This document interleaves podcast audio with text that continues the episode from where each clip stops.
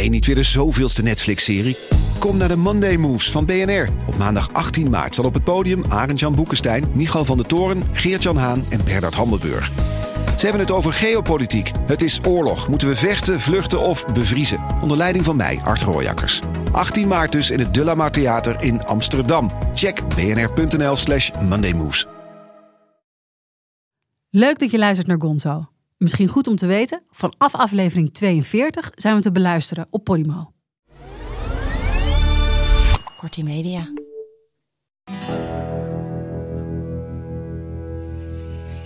Het, het was het linker onderbeen met een stukje knieschijf. Wat gevonden werd. En wat ik natuurlijk deed. Elke keer als ik waar dan ook was. En, en je ziet iemand zonder been. En eh, bijvoorbeeld was ik met mijn uh, kinderen. Die waren toen nog heel jong in, in Brussel. Uh, ik denk in, in 2013 of zo. Toen zagen we mannen. Het zou hem echt kunnen zijn. En, en dan, maar mijn Ja. kinderen die leefden ook dan mee. Uh, Dat snap zou, zou, zou dat hem dan zijn? Dit is Gonzo, de podcast waarin we praten met journalisten over dat ene verhaal in hun carrière dat ze altijd is bijgebleven. Kan zijn omdat het een scoop was, omdat het opzienbarend was, riskant, gelauwerd, hilarisch, ontroerend of onthullend. Of het was en is gewoon een goed verhaal. Mijn naam is Merel Westerik, tegenover me zit Frans Lomans. Eén journalist, één verhaal. We bouwen gestaag verder aan onze eigen kleine, inmiddels toch behoorlijk uitdijende journalistieke Hall of Fame. Frans, eh, hoe vaak zie jij een nieuwsbericht in de krant waarvan je denkt... Daar zou ik echt het hele verhaal erachter dolgraag willen weten. Ik heb, ik heb dat niet zozeer met kranten. Ik heb het meer in het dagelijks leven. Hè. Van, eh, laatst eh, ben ik een keer met mijn kleinkinderen op een eh, speelplein. En er komt een jongen van een jaar of dertien snoeihard met zijn fatbike aangereden. Gaat een paar millimeter van mijn anderhalfjarige kleinzoon af. Ik bedoel, hij had hem kunnen raken. Ik schreeuw naar hem. Die jongen stapt af, komt naar me toe, zegt één zin tegen me waarin zes keer het woord kanker voorkomt en geeft een ongelofelijke duw. Hè, ik bedoel, een 68-jarige man versus een 13-jarige jongen. En dan wil jij weten wat het verhaal achter deze en dan wil jongen ik het is verhaal 13. weten achter die jongen. Waarom hij zo is zoals hij is. En Waarom ben jij zo? Maar gaf hij jou een duw of gaf Ja. jij hem een duw? Nee, nee, hij Oh. gaf mij. eh, Nee, hij, Ik had hij hem een schold duw- mij uit. Ik had hem een duw gegeven als ik nee, was. dat kan dan weer niet, vind ik. Oh. Je kunt niet een 13-jarige jongen aanvallen. Maar je wist dat hij 13 was? Of zo nou, hij zo? Ja, leek ja. je mij. eh wilde gok. Ja. Maar goed, dat soort dingen heb ik dan wel in het dagelijks leven. hey, maar we hebben vandaag een gast die eh, uit tien verhalen wel kon kiezen. hè. Ik bedoel, eh, al zijn verhalen zijn mega goed. Want een van onze vorige gasten, Marcel van Roosmalen, noemde hem een van de beste, zo niet de beste reportageschrijver van Nederland. Ja. Dus eh, hij had alles kunnen kiezen en ik was met alles blij geweest. Ja, prachtig. Hier- hiermee ook. Jullie hoorden hem net al, eh, onze gast. Eh, in de studio dit keer, Joris van Kasteren. Welkom Joris. Dankjewel voor de uitnodiging. Heel leuk dat je er bent. Ehm, we beginnen altijd met een eh, kort cv dat eh, ik nooit heel kort krijg, maar ik ga toch een poging doen. Je bent eh, schrijver, journalist. Je begon je carrière bij regionale kranten als Dagblad Flevoland en de Zwolse Courant. Je ging daarna schrijven voor Weekblad De Groene Amsterdammer. Je schreef voor NRC Handelsblad, Vrij Nederland, HP De Tijd, de correspondent. nu nog elke maand voor Volkskrant. 2008 won je het Gouden Pennetje voor jong talent in de journalistiek. Veel boeken geschreven, literaire non-fictie. Een eh, leidend thema in je werk is eenzaamheid.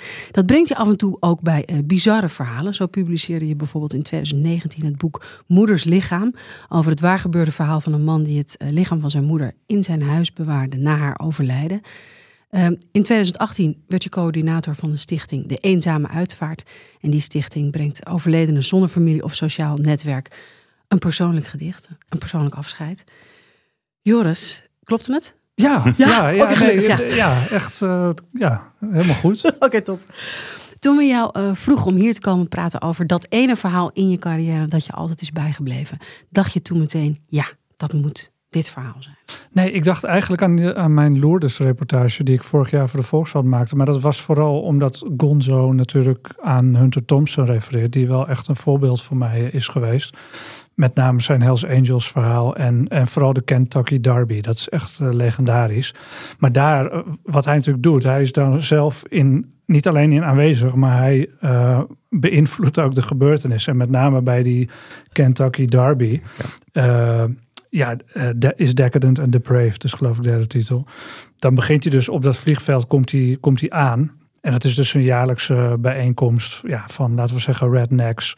Uh, en dan vindt dus die derby plaats. Maar dan begint hij dus op dat vliegveld een gerucht te verspreiden. Namelijk dat er ook Black Panthers onderweg zijn. En ja. kijk, dat, en dat, wat heeft dat met mijn Lourdes verhaal te maken? Nou, dat ik zeg maar uh, toen mee was met deze groep, uh, ja, laten we zeggen, um, um, ja, het, het, waren mensen van drugspastoraat. Dus dat kunnen daklozen, verslaafden, mensen met psychische aandoeningen zijn. Nou, en die gaan dan ja, tien dagen naar Lourdes. En ik mocht mee, maar dan moest ik ook begeleider zijn.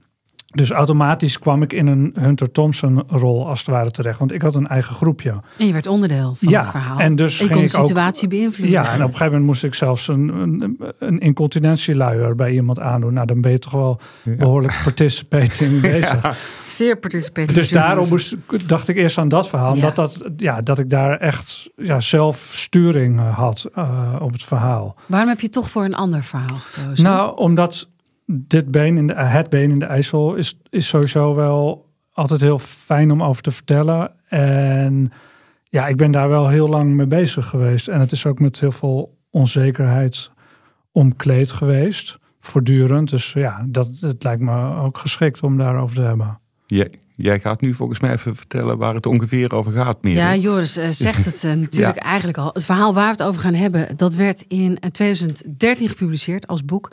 Het been in de IJssel. In 2005 vindt een visser een been in de IJssel. Niemand weet van wie dat been is. De politie stuit op een doodspoor. De zaak lijkt gesloten. Maar uh, het verhaal laat jou niet los. Wiens been was dit? Leefde de eigenaar van het been misschien zelfs nog? En als er jaren later nieuwe clues verschijnen dankzij DNA-onderzoek, dan begint eigenlijk jouw journalistieke zoektocht. Je duikt in politiearchieven, je bezoekt zelfs de begraafplaats ook waar het been ligt. En je reist af naar Duitsland, probeert in contact te komen met familieleden en vrienden. Kortom, je volgt het spoor van het been. Uh, laten we helemaal bij het begin beginnen. Wanneer kwam dit verhaal, of op wat voor manier kwam dit verhaal tot je? Um, het was in augustus 2005. Ik dacht 23 augustus zelfs. En ik zat. Ik, ja, dat is een soort vreemde traditie. Ik kijk op zich niet heel veel tv, maar ik kijk altijd wel naar opsporing verzocht. Tegenwoordig vind ik het te grimmig en kun je er niet zo heel veel meer om lachen. Maar vroeger uh, ja. vaak wel. Niet vanwege de inhoud, maar omdat ze een soort van ja, B-acteurs vaak gebruikten om. Uh, voor die reconstructies. Voor die reconstructies. Dus dat was eigenlijk iets tussen mijn vader en mij, dat we daar heel vaak, ja, vroeger. Uh, om, om lachten, als het ware. En uh, nou, dus ik keek daar altijd, altijd nog naar. En dat deed ik toen dus ook. En ja, dit was weer even zo'n flashback naar, naar vroeger. Omdat ja, het, het, had een, een slapstick gehalte. Omdat ze, ja, er loopt een agent in beeld en die zegt... Uh, hier is een been uh, gevonden. Ja, we weten eigenlijk verder niks. Uh, kent u iemand in uw omgeving die een been mist? Daar kwam het een beetje op neer. Dat Ja. was de strekking. Het, het was zo raar dat, dat ik eigenlijk meteen al dacht van dit is bijna kunst. En daar zoek ik altijd naar, een kunst in de werkelijkheid eigenlijk. Want hoe krijgt dit been dat voor elkaar? Maar vooral natuurlijk ook de eigenaar. En waar is de eigenaar en waar is de rest? En het hele feit dat die nog in leven kan zijn, maakt het natuurlijk helemaal uh, ja, iets, iets zo afwijkends dat, dat onze samenleving ervan uh, op tilt slaat eigenlijk. En gaat het dan ook zo in jouw hoofd dat je dan, dat je dan denkt, waar is de rest? Leeft de rest nog? Wat is... Ja, wel dat ik dacht van, nou kijk, als die rest nou snel gevonden wordt, dan, ja, dan is dat duidelijk. Weet je wel, en daarom, daar ging ik ook vanuit en daar gingen zij eigenlijk ook vanuit. Want dat gebeurt wel vaker dat er een ledemaat Dat er een wordt. been uh, of een Ja, arm ergens of, rondslingert. Of een vinger of wat dan ook. Maar dan vinden ze toch al snel de rest. Maar daarom heb ik ook even een tijdje gewacht. En toen ben ik, uh, geloof ik, in... Want toen werkte ik nog voor Vrij Nederland. En toen dacht ik wel van, dit is misschien een leuk stukje voor het kerstnummer. Ik weet nog dat ik dat dacht. Dus ik denk dat ik in oktober of zo... Uh, een paar maanden na de uitzending. Ja, ja, ja twee maanden of zoiets. Ja. Dat ik ben gaan bellen met... Uh, ja, dat valt dan met de politie. Dat was dan IJsselanden of zo. Want dat was dus bij wij uh, gevonden. En toen hoorde ik van, nou... Oh ja, want dat zei hij ook nog in die uitzending. Het was gehuld in een chocoladebruine Nike-sok. Nou, dat is toch al pure poëzie ook. Ja, absoluut. En wat schreef je in dat korte, in dat artikeltje in, in, Vrij Nederland? Um, want, want toen was er eigenlijk nog weinig informatie. Nee, maar wel, ja, dat, dat groteske... Wat, ik, inderdaad, ik dacht van, nou, oké, dit, dit is een klein uh, stukje en de rest is niet gevonden. Dus het zal altijd wel onduidelijk blijven van wie dit, dit been is. Maar want dat is wat, wat de politie eigenlijk uh, liet doorschemeren aan de telefoon. Maar toen dacht ik van ja, maar waar, waar is dat been nou eigenlijk nu? Want dan dacht ik, dan ga ik meer die richting op. Weet je, als je er niet achter komt, dan ben ik eigenlijk wel benieuwd hoe, hoe gaat dat verder? letterlijk, waar is waar het, is been, het been nu? Ja. Ja. dus dat vroeg ik. Toen zeiden ze nou ja, uh, bij het NFI als het goed is, het Nederlands Forensisch Instituut in Den Haag. Want daar is het naartoe gebracht. Want het, lijkt, het leek natuurlijk wel uh, redelijk verdacht als je alleen een been uh, vindt. Dus een misdrijf valt dan niet uit te sluiten. Nou, dus met het NFI contact gezocht. Nee, daar was het ook niet. En was terug naar het Deventer ziekenhuis gestuurd. Dus daar lag het waarschijnlijk in de vriezer. Dus toen belde ik met dat Deventer ziekenhuis. En toen zeiden ze daar, en dat is natuurlijk altijd heel leuk als mensen zulke dingen zeggen, van dat ze in verband met de privacy van het been geen mededelingen mochten doen. Hm. Maar ja, het was daar wel. Jij schrijft dan letterlijk: ik vraag me af hoe een niet, ik vraag hoe een niet geïdentificeerd been aanspraak op privacy kan maken. Ja, het is ook onzin natuurlijk. Wat, weet je wat nog veel erger is? Dit is officieel geen lijk. Dat maakt het ook trouwens weer allemaal heel voor mij interessant dat het niet in een categorie past. Waardoor we, wat ik net al zei, we eigenlijk op tilt slaan. Ja. Maar um, een, kijk, zelfs een lijk, een dood iemand heeft, heeft al geen privacy meer. Dat is heel cru soms, maar dat, dat is zo zodra je dood bent, heb je, word je niet meer als mens beschouwd, maar als object, zeg maar.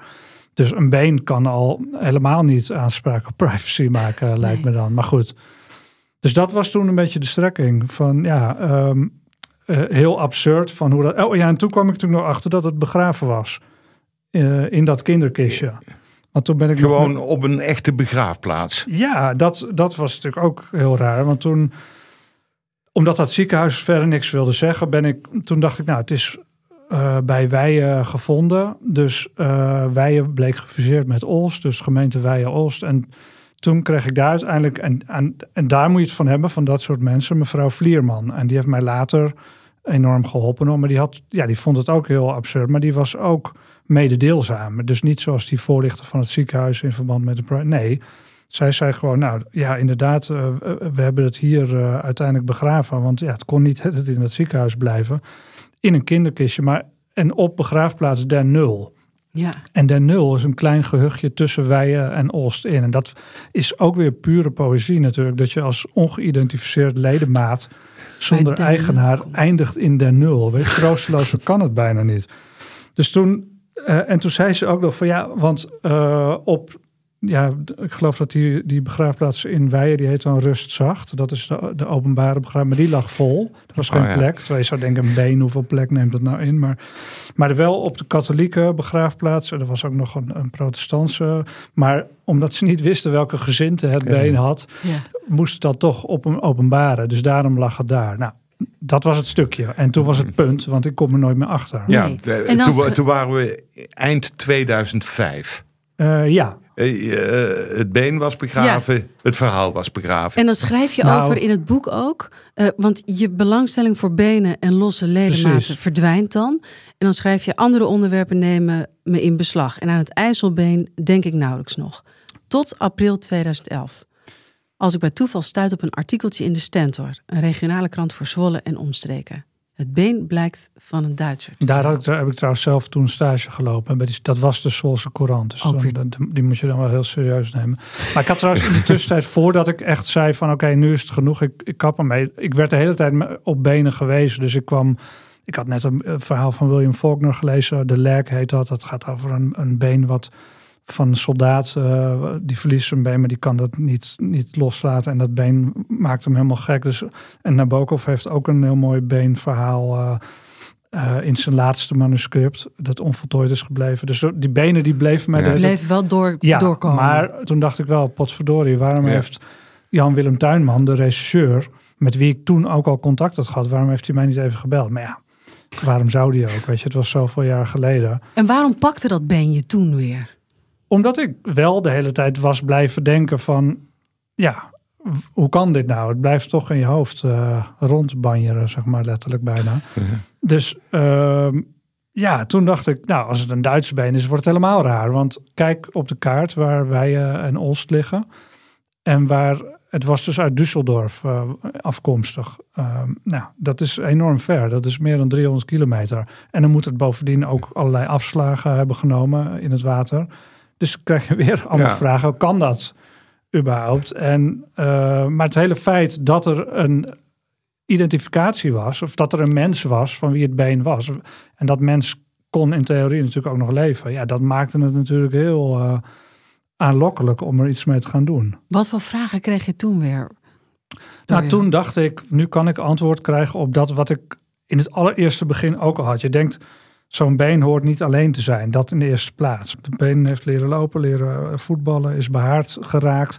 Het hoort niet bij elkaar, uh, of het hoort bij, bij, ja, bijeen te zijn. Het hoort niet apart te zijn. Hey, en had je toen onmiddellijk een boek in gedachten of had het ook nog een vervolgreportage kunnen worden? Nou, eerder gewoon een vervolgreportage, uh, ja. Want uh, ik wist niet wat ik wel of niet boven water zou krijgen.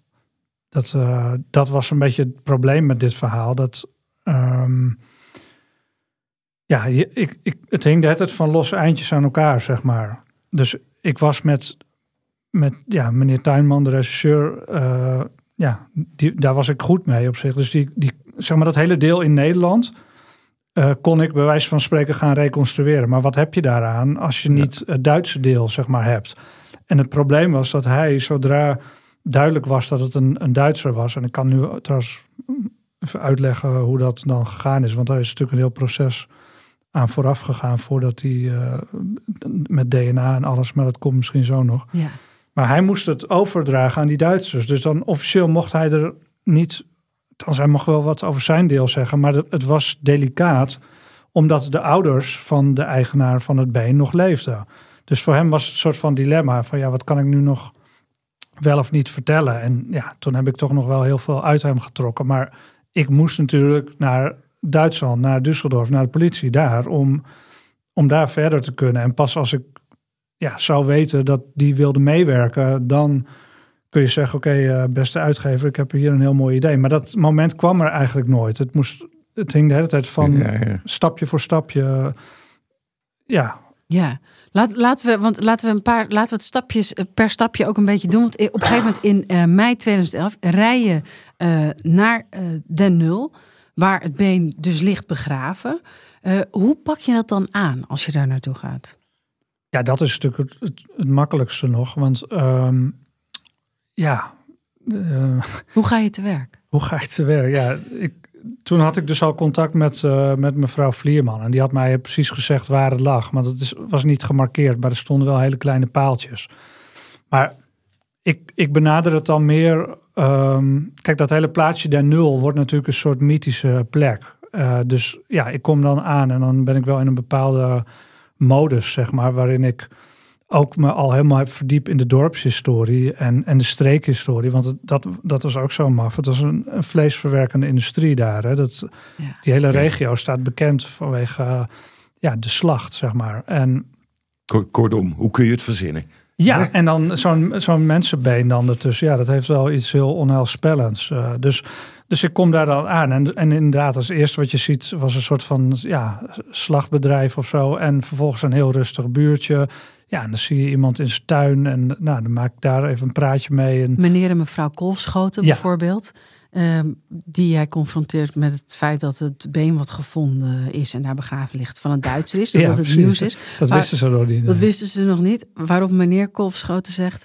Persoonlijk vind ik het geen prettig idee dat het been hier begraven ligt. Het is een rustig dorp. Dat het been van een Duitser is, vinden ze al helemaal raar. De Duitsers zouden het eigenlijk moeten begraven, want in feite ligt het hier illegaal. Ja, dat is natuurlijk heel mooi. Dat ja. is uh, van warmer Damiaans, zeg maar. En, ja, ja daar, daar zoek ik altijd een beetje naar. Maar ja, het gaat ook wel een beetje vanzelf natuurlijk op zo'n soort plek en met die aanleiding. En dat is wat ik zeg, een been is natuurlijk, het is raar, het past niet.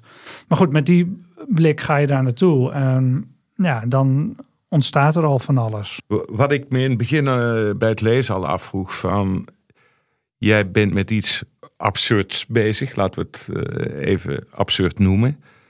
Vinden mensen jou niet een beetje raar? Ja, natuurlijk. Dat, dat, daarom probeer ik het ook zo normaal mogelijk in te kleden. Dus ik ga met die kolfschoten natuurlijk niet zeggen van... hé, hey, er ligt daar een been. En die doet dat gewoon een beetje opbouwen. En dan zeg ik ook, ja, het is natuurlijk wel beetje vreemd dat ik dat nu vraag. En ja, maar precies dat gevoel wat jij hebt, dat had ik natuurlijk heel vaak. En ook als ik dan in, in de auto stapte naar Duitsland... en dan stond ik bijvoorbeeld in, in de file in Duitsland... en dan keek ik om me heen en dan zag ik daar allemaal van die ja, gewoon ernstige mannen in pakken die dan naar hun werk of terugkwamen. En dan dacht ik, ja, wat, wat ben ik nou? Ja, ik ben, Waar ben ik mee bezig? Ik rij hier of ben ik, neem hier plaats in voor een been. Ja, dat is wel altijd heel raar. Maar het gekke is dat mensen toch wel serieus altijd nemen. Zeker bij instanties. Ik ben echt zoveel instanties. Gewoon afspraken gemaakt. Ja, met als aanleiding een been. Dat, maar je zoekt uiteindelijk, je, je gaat eh, langs de snackcar met een geweldige quote van een vrouw die zegt: Ik heb er geen frikandel minder om verkocht. Ja. uh, maar je gaat ook op zoek naar de visser bijvoorbeeld die het been vond. Ja, en dat is. Uh, hoe, hoe, kom je zo iemand op nou, het dat, spoor? Dat was dus mijn de hele tijd een ontbrekende schakel. En dat was ook een strijdpunt tussen mij en meneer Tuinman, de regisseur. Want toen duidelijk was dat het een Duitser was, toen wilde hij dus eigenlijk niks inhoudelijks meer uit het dossier uh, zeggen. Wat ik later alsnog helemaal gekregen heb, maar niet met die naam van die visser. Die wilde hij maar niet geven. Want ja, dat zou dus privacygevoelig kunnen zijn. Dus ik moest ja, zelf die visser gaan vinden. Maar hoe ga je die vinden? Ja. Nou, en dan denk je, oké, okay, dan zie je niet heel groot. Dus ga je naar, ten eerste natuurlijk naar de plek waar het been gevonden is. Ja, daar, daar was niemand meer aan het vissen. En nou, die snackcar stond daar niet zo heel ver vandaan. Dus, en daar zaten wel wat mensen te vissen. Dus dan ga je het aan hun vragen. En nee, ze hadden allemaal wel van gehoord. Maar wie die visser was, wist niemand. Toen ben ik, heb ik daar een briefje opgehangen uiteindelijk bij die snackwagen. En ik heb ook nog visverenigingen, moet je je voorstellen. Maar omdat ik dan toch denk, ja, het kan niet zonder die visser. Die heb je gewoon nodig. Want die trekt het eigenlijk allemaal in gang. Ja zonder hem of haar, uh, ja. Dat is toch been niet op de kant gelegen. Nee. nee, dat is toch een ontbrekende schakel. Want je wil ook weten van waarom ging die persoon net daar zitten? Wat voor dag was het? Waar dacht dat is zoveel voor de manier waarop ik schrijf, is dat heel belangrijk om, om de wereld van die persoon ook te beschrijven. Maar die, die kon ik dus maar niet uh, te pakken krijgen. Totdat iemand mij belde en die wilde er heel weinig over kwijt. Maar die claimde dus de visser te zijn en die zei: nou, ik heb daar heel slecht van geslapen, daar kwam het op neer. En ik heb al mijn spullen uh, verkocht. Dus het hele zootje. Ja, het hele zootje. En zo is het ook in het boek gekomen. Maar uiteindelijk bleek dat dat niet de echte visser is geweest. Oh nee? Nee, ik had. Uh, maar goed, nu slaan we dus even de hele rest over. Ja, dan, doen we daarna oh, Duitsland. We Wat zeg je? Na Duitsland? Nee, nee, doen we daarna Duitsland. Vertel nu maar even oh, over ja, die ja, visser. Ja. Dus toen was, ik, toen was het boek uh, er gekomen. En uh, toen ja, ben ik her en der um, boekhandels langs gegaan om uh, te signeren en dat soort dingen. En toen was ik dus op een gegeven moment in Wij-Olst. En daar waren lekker veel mensen. En de laatste zo'n beetje die zijn boek liet signeren was een man die ja, heel schuchter was. En die had het heel mooi zelf gekaft. Dat, dat had ik ook nog nooit gezien. Dat iemand het boek dat ja, heel en toen zei hij, ja, het is echt prachtig geworden. Ik ben er heel blij mee. Het is voor mij, het betekent heel veel, maar één ding klopt niet. Uh, dat van die visser.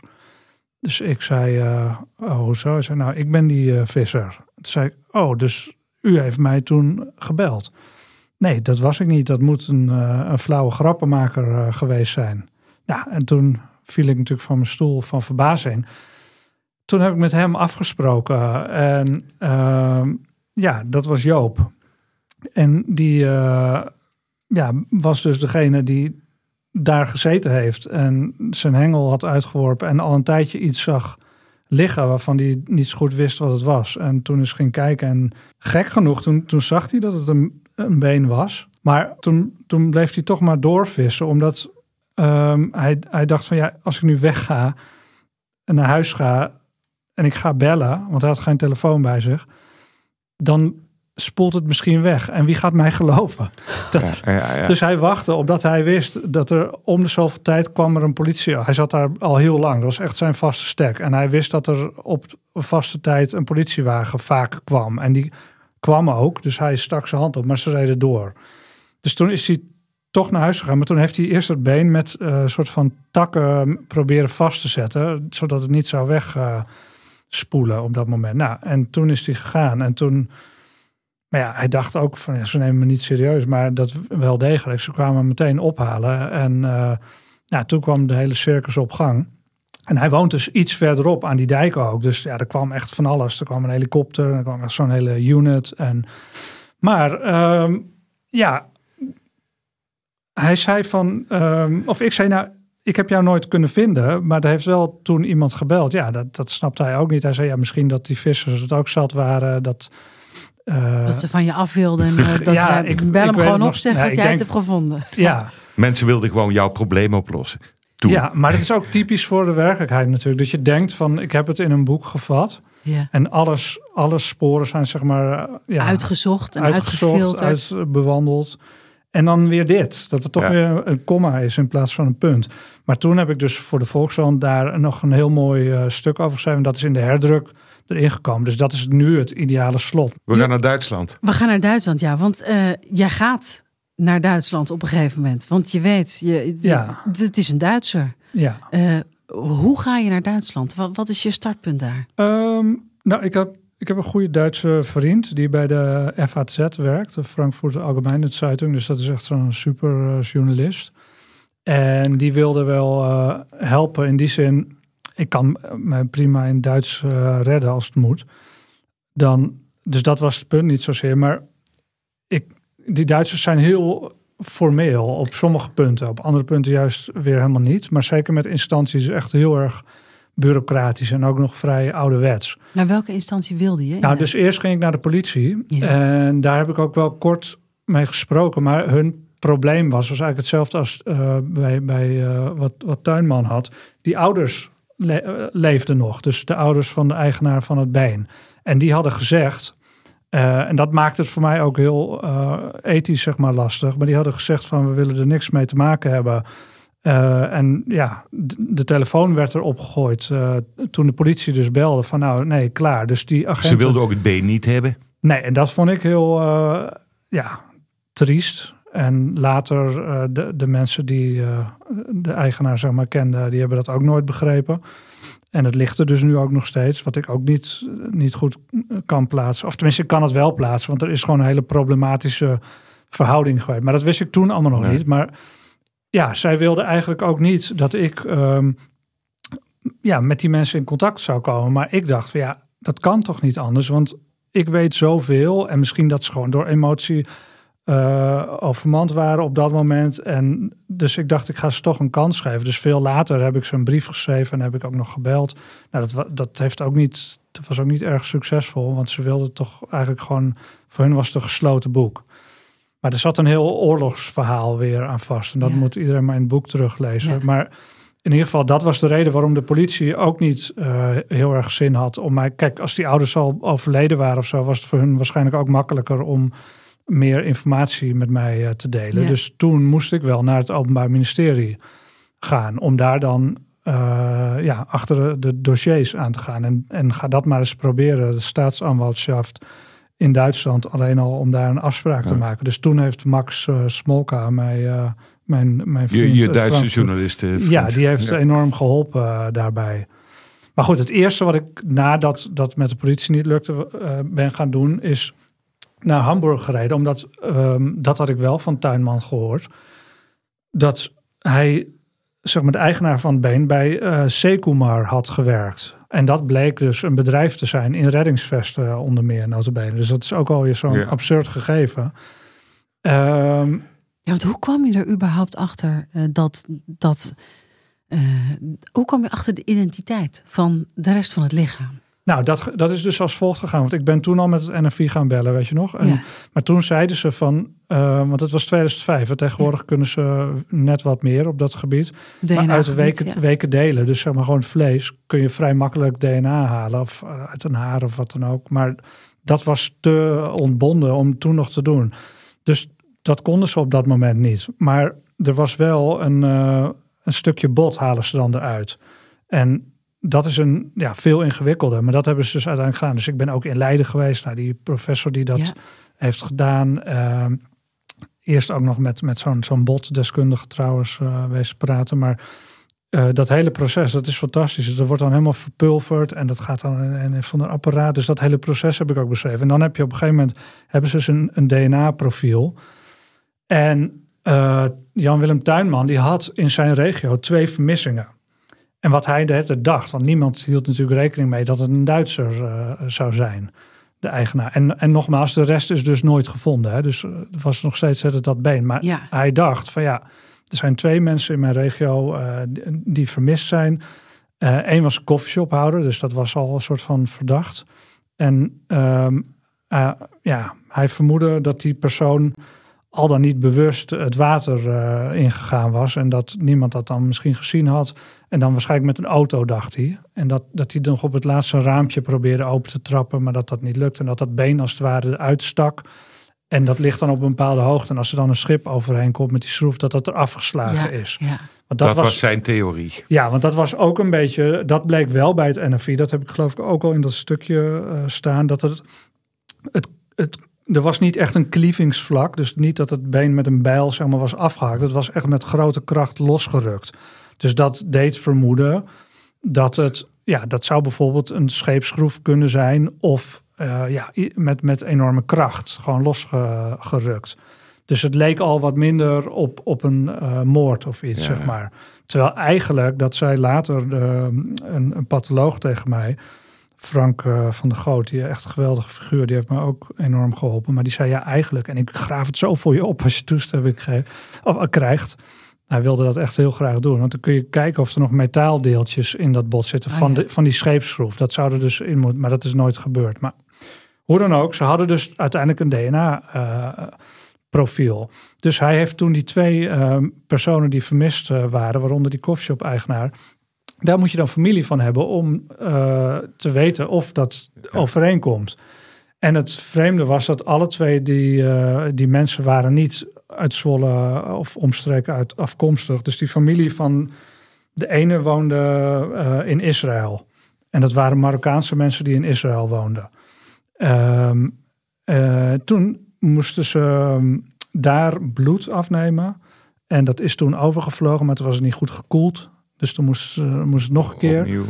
En toen uh, kwamen die nummers ook nog voor, voor 90% overeen, geloof ik, die code.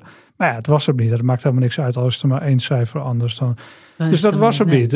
En, nou, Dus- en dat met die andere was ongeveer hetzelfde. Dus het waren alle twee niet. Ja, dat is natuurlijk heel frustrerend. Want Ja. het lijkt zo logisch. Maar dat is altijd wat die werkelijkheid zo, zo leuk maakt. Dat je denkt van ja, dit, nu heb ik je, maar dan heb je hem toch weer niet.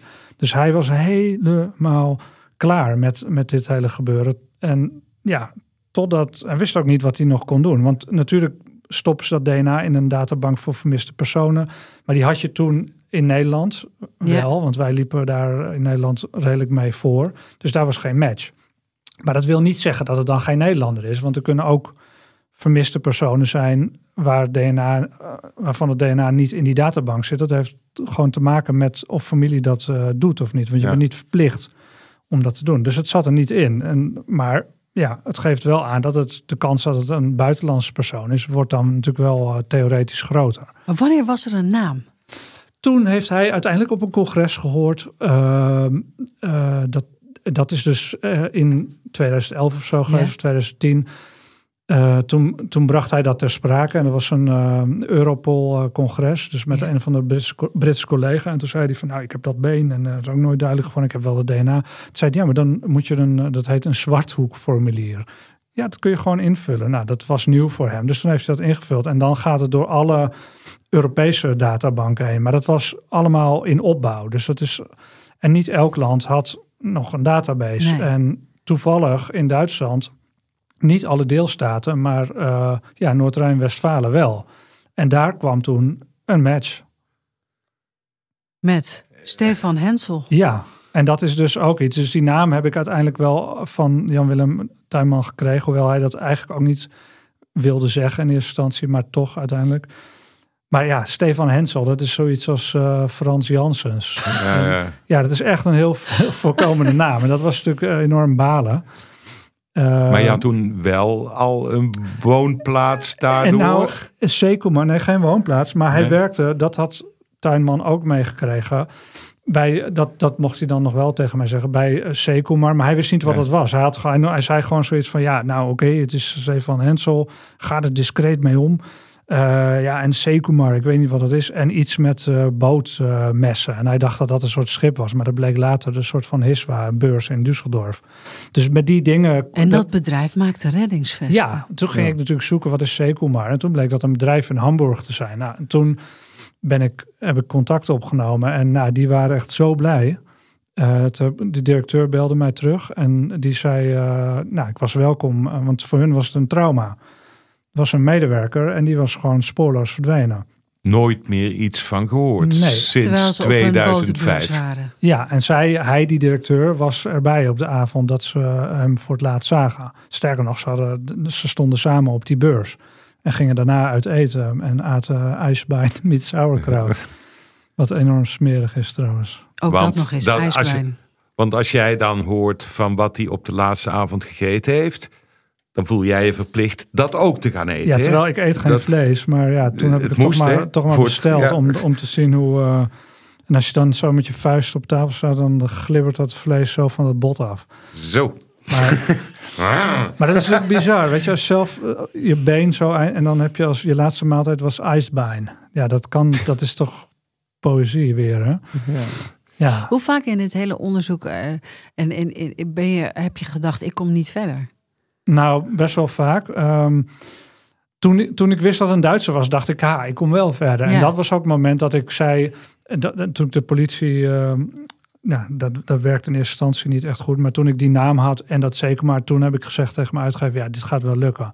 Nu kan het En- misschien een boek Ja, worden. en toen heb ik dan een voorschot gekregen. Maar ja, dan zit je wel met het punt. Dan, dan moet het er wel komen. En ja, toen ben ik dus heel hoopvol naar Hamburg eh, gereden. Toen heb ik die directeur heel lang gesproken. Een hele aardige man. En echt enorm getraumatiseerd natuurlijk. Dus die kon mij alles vertellen over ja, die avond en de dagen ervoor. En, maar hij leidde een soort van dubbelleven, eh, de Hensel.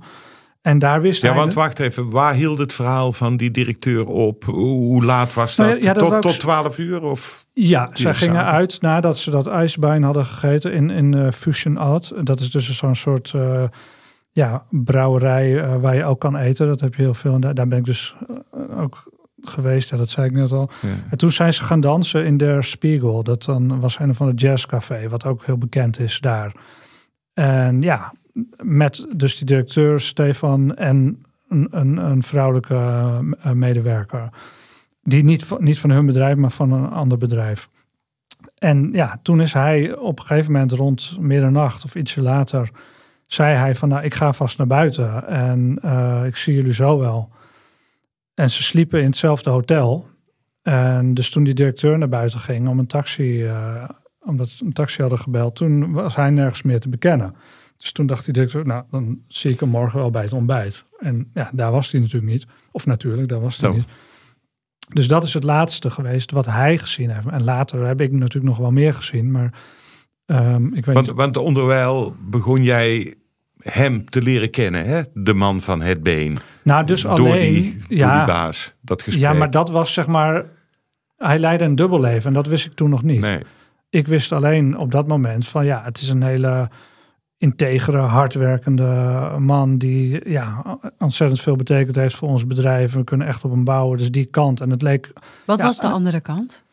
Nou ja, dat wist ik dus toen nog niet echt. Maar het werd wel snel duidelijk dat hij eh, ja, een soort fascinatie had voor een beetje penose en onderwereldachtige toestanden. En dat, dat, was ook, dat hoorde ik later pas.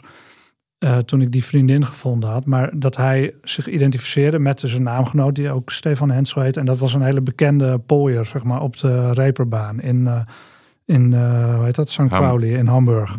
Dus hij was heel erg door die man geobsedeerd. Wat natuurlijk ook fantastisch literair gegeven weer is. En, er was een biografie geschreven over die, ja, die, die tamelijk beken, eh, bekende pooier. En die heb ik ook gelezen. En daar, ja, hij, hij wilde eigenlijk die man zijn. Daar kwam het op neer. Maar zijn vader kleineerde hem altijd heel erg. Omdat hij dus in de oorlog allerlei trauma's... En was trouwens een oud politieagent ook. Dat maakt het nog ingewikkelder. En waarschijnlijk daarom ook die terughoudendheid bij, eh, bij, bij die politie in Düsseldorf. Maar in ieder geval, hij, hij had dus een soort hang om behalve braaf te zijn, wilde hij eigenlijk een soort van gangster spelen. Dus hij ging heel vaak daar naar, naar die hoeren, om het zo maar te zeggen. Cocaïne gebruiken.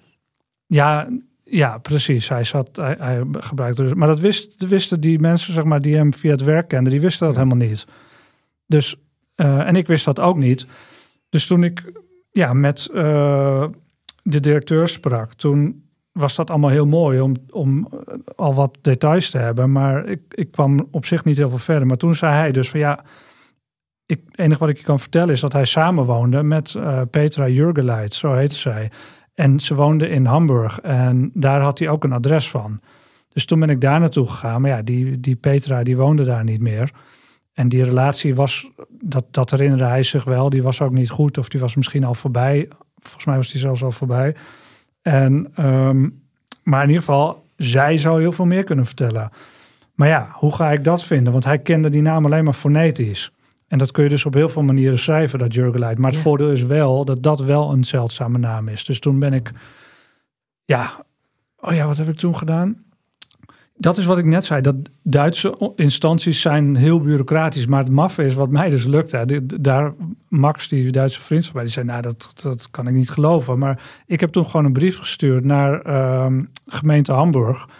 of naar dat stadsdeel waar, waar zij dan wonen. En gezegd van, nou, ik ben uh, die, die en ik zoek deze meneer Hensel. En die heeft uh, samengewoond met een uh, ja, mevrouw Jurgeleit op dit. En dat Jurgeleit had ik dan verschillende manieren... Uh, zou dat geschreven kunnen worden. Weet u waar ze naartoe zijn verhuisd? En ik dacht, nou, daar hoor ik nooit meer wat van. Maar ik kreeg een hele beleefde formele brief met officiële, uh, officieel verhuisbericht dat zij Ach. naar uh, uh, Sverin was verhuisd. Nee, volgens nee, er was nog één tussenadres volgens mij. Ze was eerst nog ergens anders heen. Toen heb ik daar ook weer een brief naartoe gestuurd. Naar die, dus ook die gemeentes in Duitsland hebben enorm geholpen. Joris, kan jij in zo'n periode dat je dit doet iets anders ernaast doen? Of, of Ja. absorbeert dit jou dan helemaal? Nee, want ik moet, dat, ik moet er wel iets naast doen, anders kan ik er niet iets van rondkomen. Nee. Maar sowieso, het is echt 90% is wachten. Ja, Kijk, nu, als het, nu praten we gewoon over alle details en die in een razend tempo. Omdat, maar er zit natuurlijk heel veel lucht uh, tussen. Dus het was heel lang, dan zat ik te wachten op zo'n brief was bijvoorbeeld. het weer een maand later of was het Ja. weer een paar weken later? Maar de echte doorbraak was natuurlijk toen ja, ik dat adres van die Petra Ja. eh, had. En dat zij nog leefde, want dat wist ik ook niet zeker natuurlijk. Eh, nou, ze was nog jong, dus het was ook op zich niet heel raar. Maar dan was de vraag van, ja, zit zij erop te wachten? Maar ja, voor mij eh, is het heel belangrijk. Dus ik ga haar niet bellen eh, of een brief sturen. Ik ga er gewoon heen. Eh, dus toen ben ik, ja, Toen reed je weer in je autootje naar Hamburg Ja. toe. ja, mijn trouwe Mercedes, die ik helaas niet meer heb. Ja. Maar ehm, ja, ehm, En je belde aan. ja, en toen was zij er niet, maar wel haar nieuwe partner. Dat maakte het natuurlijk al meteen heel beladen. Maar ja, het, Ja. is natuurlijk heel, het was een soort van nieuwbouwwijk in Schwerin, in voormalig Oost-Duitsland. En ja, die man die stond natuurlijk ook heel raar te kijken. Maar zodra ik de naam Stefan Hensel liet vallen, was hij meteen ja, heel bereidwillig. Want ja, dat was echt een, een soort, voor haar ook een, een enorm trauma. Dus ik wist natuurlijk dingen. Zij was gewoon, eh, hij was ook uit haar leven ineens Ja, hij was vermist. En- het was gewoon haar ex, die, haar verse, Ja. kerstverse ex die Dus verdween. ik had informatie. En, nou, en zij eh, was eh, naar de kapper of zo, geloof ik. Dus toen zei hij, nou kom straks maar terug. En toen dacht ik, yes, dit is geweldig. En toen ben ik terug. En toen heb ik de hele avond met die mensen doorgebracht. En dat was natuurlijk heel emotioneel. Ehm, voor haar. Omdat ze, ja, doordat, zij wist helemaal niet dat dat been gevonden was. Hè? Dus Ach, moet je je voorstellen. Dat wist Zij niks. Nee, de, en die directeur wist dat trouwens ook niet. Dus voor hun, het feit dat hij dan waarschijnlijk dood is, wordt wel even ge- een stuk groter natuurlijk. Dus dat, was, ja, dat kwam wel heel hard aan. Maar goed, ja, Gelo- want geloof, geloofde zij dat, ze, dat hij dood was? Want zijn been... nee, dat iedereen bleef toch, eh, ja, omdat het wel typisch iets voor hem was. Dat vond ik trouwens ook het mooiste. Want ik zit natuurlijk altijd met een soort ethisch dilemma. Dat heb ik met die eenzame uitvaarten natuurlijk ook, als ik over die levens van die mensen schrijf. Ehm, hoewel dat dan weer net iets anders is. Maar ehm, zit hij daarop te wachten of niet? En zij zeiden, dit had hij fantastisch gevonden. Dat er eh, iemand zo grondig op zoek gaat en zoveel belangstelling eh, voor hem toont. Dus dat, vond ik, eh, dat hoorde ik van haar toen al. En dat zeiden later vrienden die ik via haar dan ook kon opsporen ook. Dus dat was voor mij, toen dacht ik, ja, dit is uh, Ik ben ethisch in ieder geval lekker bezig. Nou, het is, ja, of, als, uh, ik, ik ja, doe niemand verdriet. nee, nee, en dat hij, uh, ja, dat het wel bij hem paste, zeiden ze, zeg maar. Ja. Ook om zo'n zo, zo soort van raar dwaalspoor uit te zetten. Maar ook dat er dan vervolgens iemand als een soort donker shot ja, naar hem op zoek gaat, al dan niet postuum. ja. En, uh, en wat, um, want uiteindelijk uh, blijft toch in het midden. Nou ja, eh, Stefan Hensel leeft niet meer. Of wel? Nee, dat weten we niet. En dat, uh, dat wil ik ook niet weten. Sterker nog... Wil je, je dat niet weten? nou ja, nee, ik wil eigenlijk niet weten dat hij, dat hij natuurlijk waarschijnlijk wel dood is. Ja. Maar ja, kijk, het gekke was... Um, even kijken of dat nou... Joris is nu in zijn boek aan het bladeren. Ja, want ik, ik, ik, ik heb het nooit meer teruggelezen, echt. Maar nu voor, heb ik het wel gedaan. Um, nee, het, het was het linker onderbeen met een stukje knieschijf. Wat gevonden werd. En wat ik natuurlijk deed, elke keer als ik waar dan ook was en, en je ziet iemand zonder been, het was altijd een linkerbeen wat miste. En er zullen heus wel mensen zijn die rechterbeen missen, maar je moet er maar eens op letten. Het is altijd een linkerbeen. dus elke keer als ik iemand zag. En eh, bijvoorbeeld was ik met mijn uh, kinderen, die waren toen nog heel jong in, in Brussel. ik denk in, in 2013 of zo. Toen zagen we mannen, het zou hem echt kunnen zijn. En, en dan, maar mijn kinderen die leefden ook dan mee. Uh, dat snap Zou, zou, zou dat hem dan zijn? Maar je gaat dat elke keer, blijf je toch fantaseren. En dat had die Erna Vlierman trouwens ook van de, die gemeente Weijen-Oost. Die dacht, nou, jij zit ergens op een onbewoond eiland. Ja. En het feit dat dat kan, die hoop, die blijft natuurlijk bestaan. En zeker bij die, die vrienden van hem. Uh, een van de hoogtepunten in, in de reportage en in het boek is dat je erin slaagt zijn laatste nacht te reconstrueren. Ja, dus na dat dansen. Ja, en ook ja. daarvoor, maar inderdaad wat er daarna ja. gebeurt. Ja. Vertel. Um, Hoe en wat? Ja, uh, nou, hij verdwijnt op een gegeven moment. En de, dus de volgende dag is die uh, directeur naar de politie gegaan. Omdat het echt niks voor hem was om niet aan het ontbijt te verschijnen. En al helemaal niet om niet op tijd op, op die beurs te zijn. Waar hij dus uh, achter die kramen stond. Maar die politie zei natuurlijk, ja, volwassen man, daar gaan we niet meteen iets aan doen. Dus pas volgens mij de volgende of misschien in de loop van de, maar dat staat in het boek, dat weet ik niet meer uit mijn hoofd, zijn ze toch die hotelkamer ingegaan. En daar was duidelijk dat het bed om. Nee, volgens mij heeft iemand van het hotel toen voor die directeur gekeken. Dus toen kon hij wel zeggen van nou, hij is ook niet uh, ja, terug geweest. In ieder geval, toen is uiteindelijk een onderzoek gestart. En toen hebben ze uh, ontdekt dat hij via camera's. Uh, dat hij naar een, een Laufhuis gegaan is. Dus dat is zeg maar een ja, hoe noem je dat? Een uh, red light district. Net als hier op de Wallen. Dus gewoon... Uh, een bordeel, ja. Ja, nou, ja gewoon ramen, zeg maar. Ja. Uh, maar dat is heel, dus daar ben ik ook geweest. Dat is naast het station in Düsseldorf. Het is echt heel vreemd, want je moet langs een soort schutting. Tenminste, dat was toen zo. En dan kom je voor een enorm hoog pand, dus een soort van halve flat. En daar zie je dus al die ramen op verschillende verdiepingen. En daar staan dus vrouwen achter. Dus een soort van de wallen, maar dan... Uh, in de hoogte. Ja, verticaal. Ja, ja heel vreemd. Uh, dus daar is hij geweest. En toen is hij daar naar binnen gegaan bij uh, ja, een dame. En die hebben ze uiteindelijk ook gesproken natuurlijk. En die heb ik later ook nog kunnen traceren.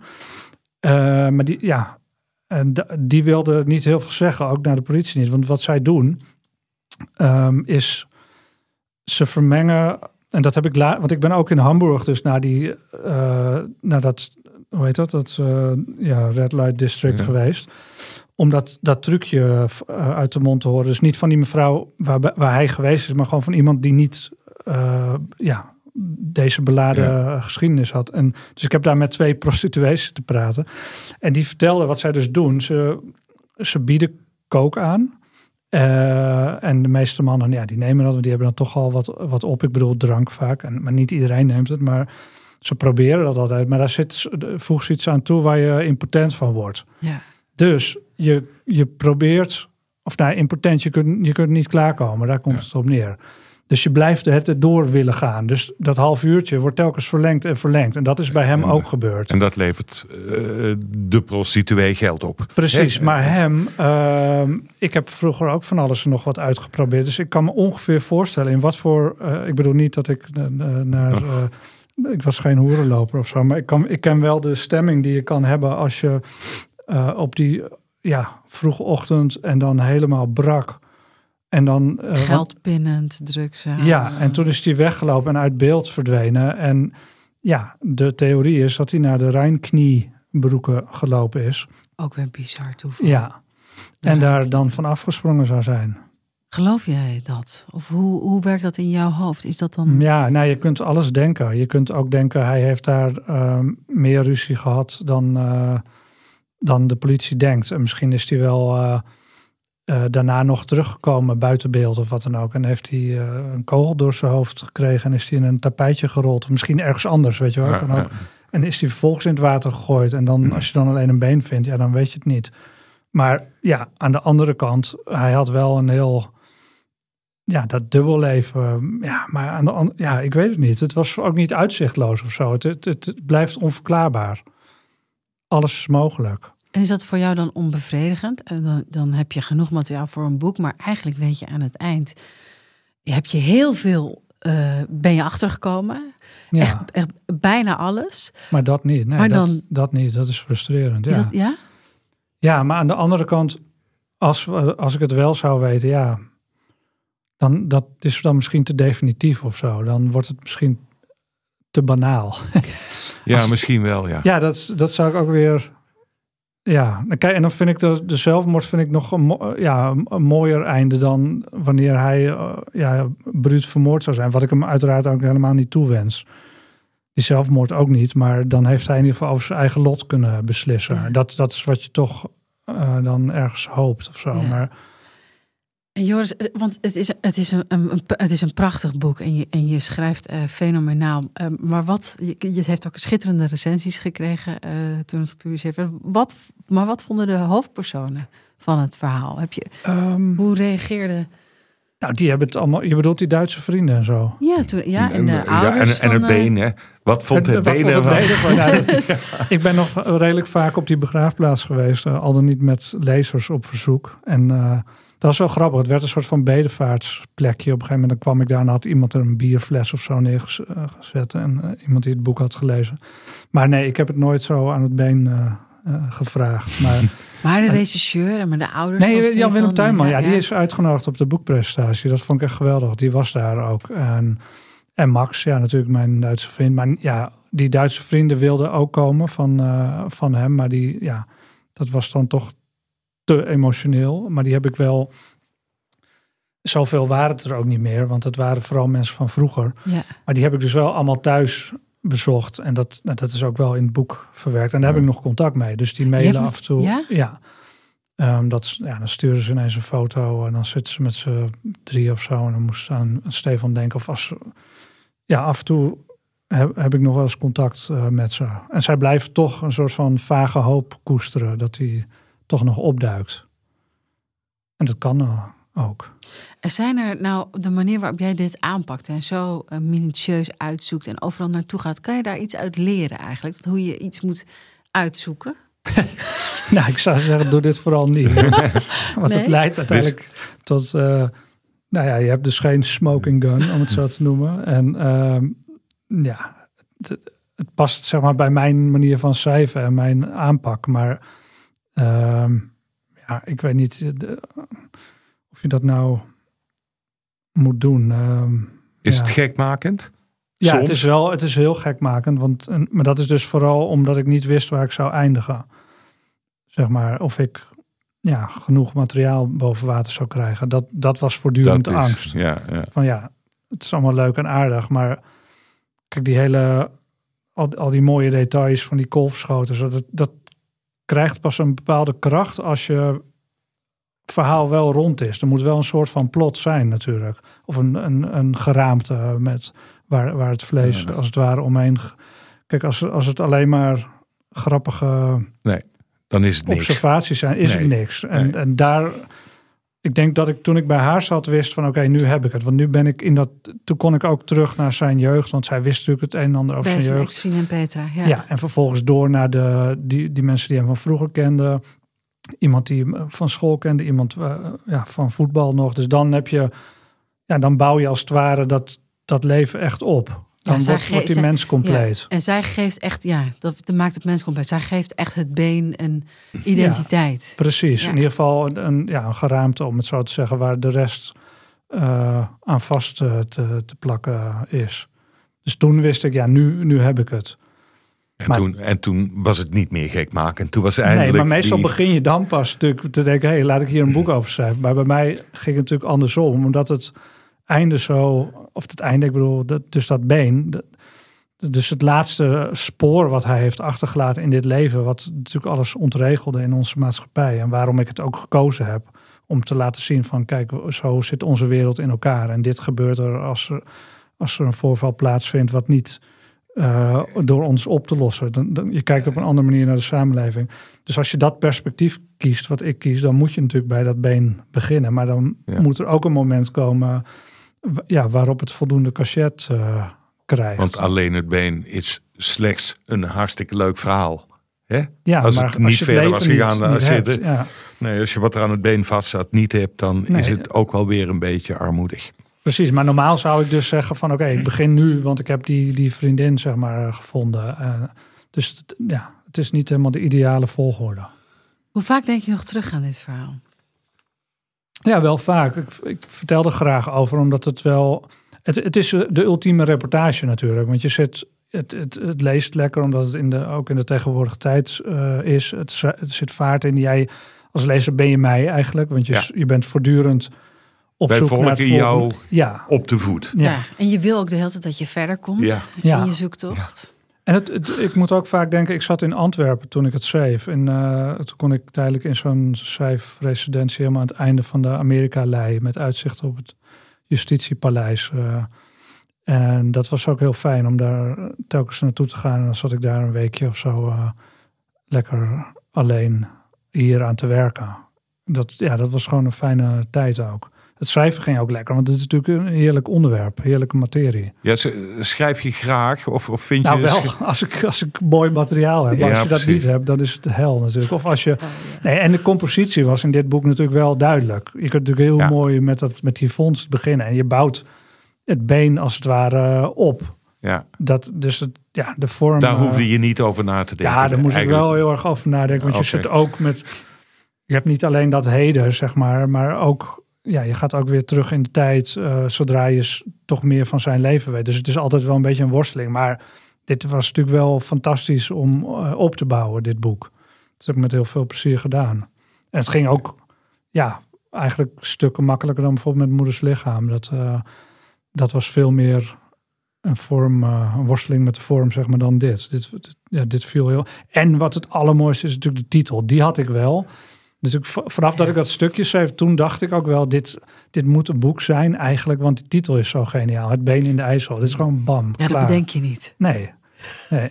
Nee, al- al had je het moeten vullen met lege bladzijden, dan hadden we nog de cover kunnen maken met die titel. En dan had je het in je eigen Maar kast dat, kunnen eh, zetten. dat vergeet ik. Ik denk dat dat, dat schiet me nu eh, te binnen. Ik denk dat dat mijn belangrijkste drive misschien wel was. Dat ik die titel al de hele tijd had. Ja, Want dit was ook de titel van dat stukje. Toch? Toen wist ik, oh, dit is zo'n mooie boektitel. nou, de rest nog even. Ik ben nu mijn volgende boek aan het afronden. En ik heb daar nog niet de perfecte titel voor. Dat is heel frustrerend, kan ik je zeggen. Wat ben je aan het doen? Waar ben je nu mee bezig? Nou, ik ben al vijf jaar in een dagboekarchief. eh, eh, ja, eh, daar ben ik tot toegelaten, in toegelaten, hoe zeg je dat? En daar heb ik, ja, er staan nog duizenden dagboeken van gewoon onbekende Nederlanders. En die zijn, en niemand kent die collectie en ik ken dat ook niet. Maar de oprichters die zeiden, er zitten echt een paar verhalen voor jou in. Toen dacht ik eerst, nou, dat is heel saai, dagboeken. En eh, overgrote deel is ook saai. Gewoon een boerin die vanaf de 16e tot de 99e beschrijft wat ze eet en wat ze ziet. Maar er zitten hele idiote, absurde levens waar, waar dat van Stefan Hensel eh, niks bij is. Oh ja? En die heb ik eruit moeten vissen. Daar heb ik uiteindelijk negen. Ik had er in totaal heb ik er 16 gelezen. Die echt, en dat waren levensschrijvers. Dus die schreven echt vanaf eh, hun puberteit als het ware, of iets later tot aan hun dood. En ik heb me enorm op verkeken, want het, ja, het zijn echt meerdere meters aan schriftjes. En er was bijvoorbeeld één man bij die zeven spiegels heeft. Dus die heb ik met een spiegel moeten ontcijferen. Jemig Joris, wat een project. Ja, het is echt niet normaal. Eh, het is veel, maar het is één groot feest. Want ik heb per persoon, zeg maar, meteen eh, een, ja, een uittreksel chronologisch met, ja, gemaakt. Dus dan heb je het ruwe materiaal, is al heel mooi geordend. En nu ben ik op drie kwart van het schrijven. Maar ja, die titel nog, hè? Ja, Ja. hey. zonder, zonder goede titel geen boek. Nee, dat is absoluut waar. We, Weten we nu. Hè? we gaan met je van meedenken. geleerd. Mocht er iemand eh, eh, een suggestie hebben, Nee, naar aanleiding nee, Graag. En negen levens is niet goed genoeg. Dat is zo grappig dat je dat nu zegt, want dat was dus even de titels. Oh. Oh ja, dat kan hem nu misschien niet meer worden. En negen verhalen kan ofwel. weer niet, want dat is een boek van Salinger. Ja, ja nee, maar dat, dit is ook wel eigenlijk één. Nou ja, oké. Ja. Nou ja, mocht iemand een goede Ja. suggestie hebben, mail dan vooral naar gonzo.kortimedia.nl. Dan gaan we het weer aan jou doorgeven, eh, Joris. Dank eh, dat je hier was. Dank Eh, voor het fijne gesprek. Ik vond het ook ontzettend leuk. Echt eh, mooi. Volgende week weer een goed verhaal. Zo is dat.